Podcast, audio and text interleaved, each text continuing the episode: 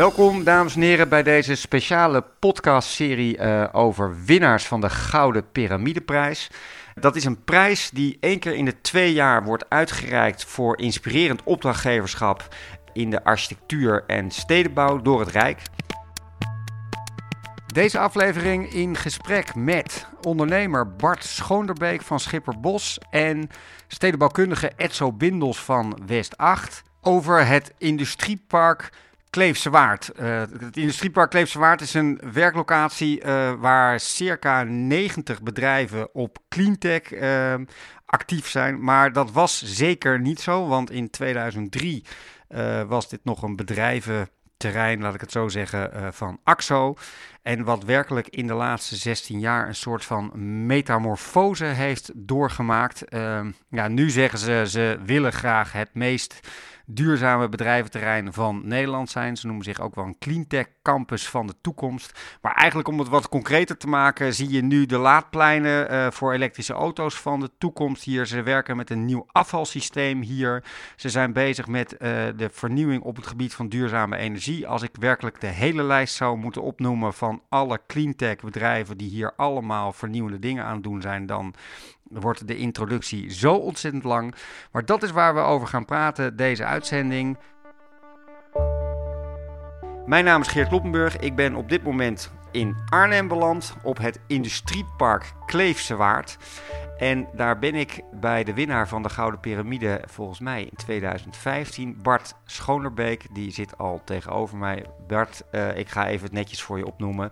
Telg uit een ontwikkelaarsfamilie ben je, opgeleid als architect in Londen. Even gewoon voor mij om te helpen, facts en figures. Wanneer heb je het aangekocht dit? We hebben het aangekocht in 2003. Hoeveel vierkante meter bestrijkt nou dit hele gebied ongeveer, circa? Um, het hele gebied uh, is 90 hectare, waarvan we ongeveer circa 70 hectare plus in bezit hebben. Nou besloot je het om het te kopen in 2003. Jouw vader besloot om het te kopen, klopt dat? Ja, Michel Schandebeek. Ja. Is je vader, leeft je vader nog? Of is ja, die... die leeft nog. Ja. Oké, okay. loopt hij met trots hier uh, af en toe? Uh, komt hij hier nog wel eens? Ja, heel erg trots. Ja. ja. Oh, wat cool. Toen wij uh, begonnen met de familie Schonebeek zijn wij naar, naar Engeland gegaan, naar Londen. En daar zijn we gaan kijken naar een, uh, een business park. En dat business park, dat, uh, dat heette Chiswick. En dat was in de buurt van de airport gemaakt. En daar, die, zij promoten dat, dat business park met Thank God It's Monday. Dus van en enjoywork.com. Dus de hele opzet van dat park was van, het is eigenlijk een plezier om te werken. En we moeten een omgeving creëren waarin mensen zin hebben om hun beroep uit te oefenen. Ik ben Edso Windels, stedenbouwkundige bij West 8. Ik heb voor uh, Industriepark Kleefse Waard het stedenbouwkundig plan getekend. En met hen gesproken over, met de gemeente en, uh, en IPKW om na te denken over hoe een ruimtelijke ontwikkeling het beste kan worden vormgegeven. Wat ik zelf eigenlijk zo fascinerend aan dit, ook hoe het opgeschreven is, dat je eigenlijk voor mijn gevoel het ook heel logisch is. Want eigenlijk zeg je, ik creëer waarde op de langere termijn. Ik, je hebt gekozen voor een model niet te verkavelen en heel snel te verkopen en snel te cashen. Terwijl voor mijn gevoel toch ook eigenlijk een hele logische ondernemersstrategie is om te zeggen: ik creëer waarde op de langere termijn. En dan komt het ook in euro's eruit. Daar is helemaal niks mis mee. Hartstikke goed juist. Of zeg je nee, we nemen ook op de lange termijn wel met een iets lager rendement uh, genoegen hier op het park. Maar ons zit ook, is het heel veel waard dat we waarde toevoegen in, om een mooie plek te maken en al die andere dingen. Of zeg je nee, je aanname klopt weer niet. Het zit hem op de langere termijn, levert het ook in zijn geheel qua waarde meer op. Ja, maar je scheidt dingen die niet te scheiden zijn. Je, gaat, je, zegt, heel goed. je zegt iets over waarde. Ja. En je zegt iets over, we willen een mooie plek maken. Maar we, we zijn alle twee aan het doen, zeg maar. Dus ik, ik vind, daar, er zit niet zo'n knip tussen. Ja, we zijn waarde aan het creëren voor de toekomst. En het wordt meer waarde op de manier waarop we ermee omgaan. En we kiezen niet voor die snelle exit. En we zijn bezig, en dat heeft gewoon vanuit, dat zit, dat zit in onze genen bijna, zeg maar, om gewoon een mooie plek te maken. Waar, waar, waar in, een, in dit geval een werkomgeving, die van uh, een kwaliteit een stukje schoonheid is en een stukje beleving die het waard is om te zijn. Want werken doen we, ja, van de 24 uur liggen we er 12, 10 te slapen. We zijn er acht aan het werken en we zijn er nog maar, wat, ik weet niet wat er overblijft, maar ongeveer vier zijn we er thuis. Goede architectuur en goede stedenbouw eh, begint bij het stellen van de juiste vraag. En zij uh, zijn als het ware de vraag uh, opnieuw gaan stellen van hoe, hoe, hoe, maken we eigenlijk een industrieterrein? Kan dat ook anders? Kan dat ook beter? Is daar een verdienmodel in te bedenken? Als je, voorheen was het gewoon het uitgeven van grond en het afspreken van de milieusanering in een bestemmingsplan en daaromheen een groenzone tekenen, zodat omliggende buurten geen last hadden van het uitzicht op pallets en lelijke dingen. En zij zijn gaan nadenken over van ja, hoe kunnen we dit proces innoveren. En wat dat betreft vind ik zo'n prijs voor uh, opdrachtgeverschap ontzettend belangrijk. Niet alleen van bewaak je wat de architect bedacht heeft, nee, maar stel je ook de goede vragen aan de ontwerper. Zijn wij met het juiste bezig in de maatschappij? We kwamen het terrein oprijden en we dachten van wat voor bedrijven zitten hier? En daar begint het, het begon helemaal niet ruimtelijk. Het begon, zit hier een doelgroep die, waar we affiniteit mee hebben. Nou, en die zat er, want er zitten bedrijven die iets maken. En als we ergens affiniteit mee hebben, zijn het maakbedrijven. Bedrijven die ja, fysiek iets produceren. Dus, uh, daar, dus het begon eigenlijk al een stap eerder. Maar, Wat zat hier ooit? Dit was ooit AXO. Ja. Uh, in een tijd dat AXO nog heel veel R&D deed. Ja. En niet alleen verven. Uh, um, nou, moet je je voorstellen dat hier misschien wel, wel 10, 15 AXO-bedrijven zaten. Waterstof. Uh, Hele En wat zocht je eigenlijk dan voor type bedrijven erbij? Wij zochten bedrijven erbij die aansluiten bij de, de issues van vandaag, maar wel in, in dezelfde lijn zitten. Dus technisch duurzame bedrijven, waterstofbedrijven, cleantech. We vatten het samen als cleantech. Ja, ja, duidelijk. Wat ik ook zo grappig vond, het stond ergens. Er stond van dat je zei dat je helemaal in het begin eigenlijk dacht dat je een soort van masterplan had. En daar ging je echt volle bak op af. En dat je er nu, zeg maar, dat is altijd makkelijk achteraf, dacht: nee, nee, nee, dat, dat heb ik op een gegeven moment. A, wanneer heb je dat in de prullenbak gegooid? En B, wanneer ben je veel meer lean en mean gaan werken? Nou, sorry dat ik, ik ga even iets uitbreiden. Want het is ja? maar wat wel interessant is, als je in Nederland aan een opgave begint, moet je vaak je, je rentetikker gaat uh, telt, hè, want je betaalt rente voor je geld dat je leent. Er zijn allemaal factoren die willen dat je haast maakt.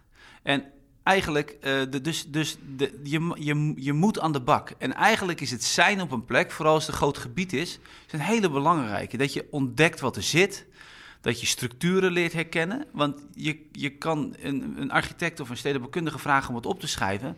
Maar als hij zegt die vrachtwagen rijdt zo, maar die vrachtwagenchauffeur rijdt toevallig elke dag een ander rondje. Dat is natuurlijk een heel interessant gegeven. En uh, dat gebeurde ook hier. We maakten een masterplan. Ja. En dat hadden we. Ja. En dat is ook heel zinvol geweest. Want je moet wel elke dag beslissingen maken. Dus je moet wel met elkaar een common ground organiseren. Want je doet het met een team. Ja. Maar tegelijkertijd begin je ook door te krijgen dat het masterplan, dat, dat, je gaat je eigen interpretaties met elkaar maken en je eigen, je eigen afslagen nemen. En wat je dus nu ook ziet, en dat hebben we een tijd, uh, dat masterplan hadden we, dat was West 8, dat hebben we gevolgd, daar hebben we afslagen op gemaakt. En we zijn nu weer opnieuw het masterplan op maken. En eigenlijk is dit een heel mooi moment, want nu kan je een plan maken. Je kan een plan maken omdat je eigenlijk alle ingrediënten, die ken je nu. En die, uh, die hebben zich uitgekristalliseerd. Sommige bedrijven zijn failliet gegaan. Hè, omdat het echt bedrijven waren die, die gewoon... Uh, een, bijvoorbeeld, we hadden hier een bedrijf No Waste, die deed luierrecycling. Nou, denken heel goed, uh, maar die hadden moeite met inzamelen. Ja, zo'n bedrijf gaat kapot. En Um, dus je weet wat je ingrediënten zijn waar je mee speelt. En uh, we maken dus nu op dit moment opnieuw het masterplan. Maar dat hebben we dus, wij, wij, doen dus 13 jaar over een masterplan. Ja, maar dat was precies mijn volgende dat, vraag. Dat, dat, is, 2003 start je, had je toen een masterplan? Want we leven nu 2019 en je zegt 13 jaar. 16 dus jaar? 2000, ja, ja, nou of 16, wat doet het ertoe? Maar is dat zeg maar het soort van het plan wat jullie de eerste drie, vier jaar hebben ontwikkeld? Dat is waar je heel lang mee gewerkt hebt. En je zegt nu zijn we eigenlijk een nieuwe aan het maken? Nou, het was een, werk, werkdocument. Ja. ja. dus we hadden, we hadden een uitgangspunt door een hele goede stedenbouwkundige. Die erkende ook wat belangrijk was. Dat heeft ons geattendeerd. Ja, en, en je hebt steeds, je hebt steeds, we hebben nog wel drie plannen tussendoor gehad van mensen die dat gingen upgraden. Die attendeerden ons ook weer op nieuwe dingen. En ik heb nu het gevoel dat we aan het, op een moment zijn dat we naar een masterplan kunnen gaan. En we moeten niet zeggen het is een definitief masterplan, maar wel een masterplan waar langs uh, zeg maar de, de, vooral de openbare ruimte die echt aan elkaar geregen wordt. Dus het wordt wel, het is een belangrijk plan nu. Ja, ja dit is echt de volgende fase waar je in gaat. echt de volgende fase, ja. ja.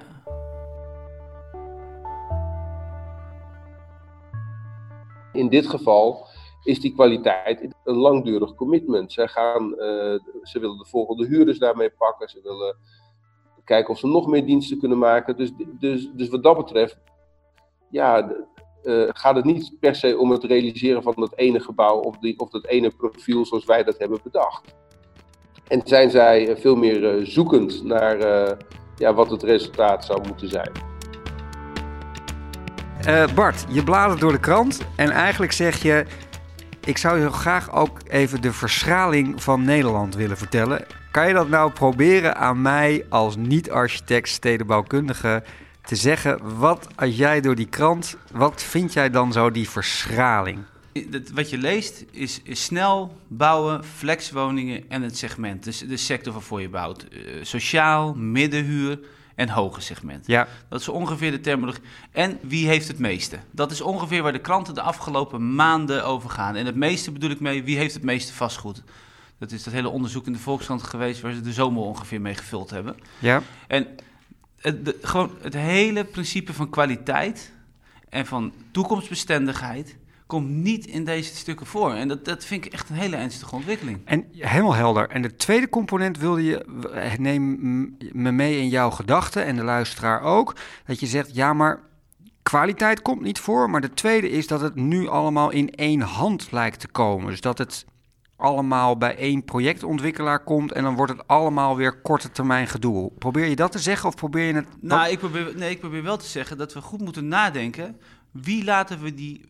Als we dan snel bouwen en flexwoningen, als we dat dan de drie woorden zijn, wie laten we die opgave uitvoeren? En op dit moment wordt die uit, opgave uitgevoerd veelal door ontwikkelende bouwers. En ontwikkelende bouwers die zitten er vaak in voor een stukje bouwvolume en die hebben baat bij snelheid om naar het volgende traject te gaan, project te gaan. Ja. En kwaliteit is daar een heel ander, is een hele andere eh, factor in hun, in, in, in hun hele denken en in hun spreadsheet. En ik denk dat we daar, dat we eigenlijk in Nederland, zonder dat we doorhebben, met een stukje wederopbouw bezig zijn, die we over 30 jaar willen slopen zijn. Ja. En dat, dat is Dit hoor ik ook vaker, maar mijn vraag is: uh, is niet de essentie bijna wat jij zegt, vastgoed is bij ons geen doel, maar een middel? Is dat wat je onderscheidt ten opzichte van andere projectontwikkelaars die gewoon zeggen: ik knal zo snel mogelijk dat vastgoed neer? Maar jij zegt: nee, ik wil echt dat het blijft staan. Als je dit gaat snijden en je laat wel heel duidelijk doorklinken dat geld verdienen voor ons niet vies is, dan durf ik, dan durf ik hier wel antwoord op te geven, zeg maar. Want het klinkt ergens wel ideologisch, maar inderdaad, het, het vastgoed is geen doel. Het gebouw realiseren en daar waarde, uh, waarde creëren en, of, of, en daarna zelfs weg zijn, hè, zoals de meeste partijen doen. Dat is niet hoe we, hoe we erin zitten. Wij, wij hebben een beeld bij een sfeer, wat er in zo'n gebouw moet plaatsvinden. Wat er in zo'n gebouw moet gebeuren, hoe we zelf door het gebouw willen lopen. Want we blijven ook door onze gebouwen lopen in de toekomst, hoe we door zo'n park willen wandelen. Ja, en dat is dat, die sfeer en dat gevoel wat we zelf hebben en wat we proberen op papier te krijgen met onze mensen delen ook, ja, is een hele belangrijke factor in die ontwikkeling je neemt dus ook vandaag eigenlijk genoegen met minder. En op de lange termijn is dat, is dat niet aan de hand. Maar dat heeft, dat heeft wel een lange, dat heeft een lange adem nodig. Ja. ja. Veel partijen uh, gunnen zichzelf die adem niet. of, kunnen, of kunnen die adem. Of hebben het niet. Of hebben het nee, niet. Nee. Dat is ook. Waarom heb jij die wel? Nou, ik heb gewoon het geluk dat, ik, dat mijn vader iets, iets heeft opgebouwd. Waar een, uh, een, een, een, bepaalde. Er zit een, een hele goede onderstroom in, hè, ja. een huurstroom. Ja. En dat hebben we heel hard doorge, doorgezet en doorgebouwd. Maar ook hij heeft altijd met dezelfde filosofie en strategie, zeg maar, in, in, uh, bijna in het leven gestaan en in het vak gestaan. Van uh, uh, altijd een stukje meerwaarde en kwaliteit willen toevoegen aan de dingen die je deed. En ik denk, als je dat maar gestaag doet, hè, we doen dit al 25 jaar, dan bouw je natuurlijk wel wat op. Wat heeft die gouden piramide je gebracht? We zijn een familiebedrijf. En uh, misschien heel, dat is wel heel persoonlijk, maar het bracht, ik was natuurlijk ik was hartstikke trots hè, op dat we. Maar het uh, bracht ook rust in een soort van. Uh, ik ben nu 15 jaar, nee, 12 jaar run ik het bedrijf. Ja. Het, het bracht, Hoe oud ben je als ik vraag mag? Ik ben 42. Ja. ja. Je zag ook dat het bij, mijn, bij mijn vader heel veel trots bracht. En ook wel een stukje erkenning. Uh, ook hetgene wat hij gedaan heeft. Dus je gaat een nieuwe fase in met zoiets. Dus dat was ook wel, dat deed de Gouden Piramide ook. Dat, dat gebeurde vervolgens ook. En het heeft ons als park wel erkenning gebracht en geholpen ook in datgene wat we steeds roepen naar provincie, gemeente, gebruikers van... Hey jongens, andere mensen zien het. En dat, dat is gewoon, dat is heel mooi. Ik denk dat het wel een, dat het erkenning is voor het eigenwijze, het eigenzinnige pad wat ze zijn gaan bewandelen. En dat, uh, want daar is heel veel moed voor nodig. Want afhankelijk was het natuurlijk gewoon een traditioneel aannemer, later ontwikkelaar. En nu is het veel meer over beheer en een langdurige verbondenheid en innovatie op heel veel verschillende aspecten van uh, bedrijvigheid. Dat, uh, dat het een erkenning is voor, ja, voor, voor dat innovatieve pad. Als opdrachtgever moet je ook heel veel samenwerken natuurlijk met ontwerpers. Hoe ging die samenwerking met zo'n ontwerper in zo'n concreet geval? Nou, misschien mag ik twee situaties schetsen. Eén situatie is dat we Hij gaat tekenen, jongens. Ja, kom maar. Eén situatie is dat we nieuw bouwen. Want het is ook weer een complex. En één situatie is renovatie. In de renovatie, ja, het is, best een complexe werkrelatie met een architect. We werken met een, Belg werken met een Belgische architect, Office. En uh, wat je ziet is dat toch heel veel ingegeven is door... Hoe voor het, nieuwe of voor het bestaande? Voor, voor het bestaande, ja. ja. Heel ingegeven is door hoe het gebouw zich... Uh, ja, hoe het gebouw eruit komt. Nadat je hebt weggehaald wat je niet wil. Hè, en uh, is dan vaak voorzetwanden, lagen van historie, et cetera. Dus het hele het ontwerpproces is een, een proces dat je eigenlijk doormaakt tijdens het doen ook. Tijdens het werk zelf. Het is geen uh, blauwdruk, wat een nieuwbouw wel is. Want dan maak je een plan met elkaar en dat geef je, zet je handtekening onder, dat ga je doen. Ja. Ik vind en ik vond het een complexe werkrelatie, omdat het, uh, het is ingegeven door het, hoe het gebouw zich gedraagt. Het constante, constante veranderende uh, behoeften van de gebruikers. Dat zelfs in het proces van bouwen is dat veranderlijk. Hè? Dat duurt vaak twee jaar. Nou, je ziet dat die gebruiker weer een andere horizon heeft. Vooral die sterk groeiende bedrijven in die cleantech. En wat ik, wat ik wel weer interessant vind aan nieuwbouwen, en dat, daarin zit ook weer een, een best wel een, een, een, zoektocht en een struggle met ook de architect, is dat die oudbouw die staat in zijn omgeving. De, de huls is een gegeven. Maar in de nieuwbouw moet het gebouw, omdat wij eigenaar van het gehele terrein zijn, maken wij ons ontzettend druk hoe het zich manifesteert in opzichte van dat bestaande. Dus je bent als architect niet alleen dat gebouw ontwerpen, maar je moet ook gevoel hebben bij de omgeving en de toekomstige ontwikkeling van de omgeving. Wat is er zo speciaal aan de rol van de bank in dit hele traject? Zij zijn degene die. Uh, je moet natuurlijk de plek vinden, en, uh, maar zij zijn in essentie degene die het project mogelijk maken dat je het kan aankopen. En daarin zit een heel stuk, uh, en vooral bij industrie, dat is voor, voor banken toch moeilijk. Hè? De focus ligt op wonen en dat is helemaal heel begrijpelijk en A-locaties, et cetera. Maar een stuk industrie in Arnhem en daarin mee willen gaan met veel techbedrijven, veel start-up bedrijven, 13 jaar geleden. Dus niet vandaag is het allemaal hip en happening. Dat, dat, ja. Maar in, en daarin meegaan en daar dus ook die visie delen. Uh, ja, dat, dat vind ik wel getuigen van een stukje lef. En dat, ja, dat is, vind ik bijzonder. Ja. Volgens mij hebben we echt zo ontzettend veel belicht en uh, ben ik hier op een unieke plek geweest. Uh, waarom moeten mensen zich opgeven voor die gouden piramide, vind jij? Waarom, waarom is het een belangrijke prijs?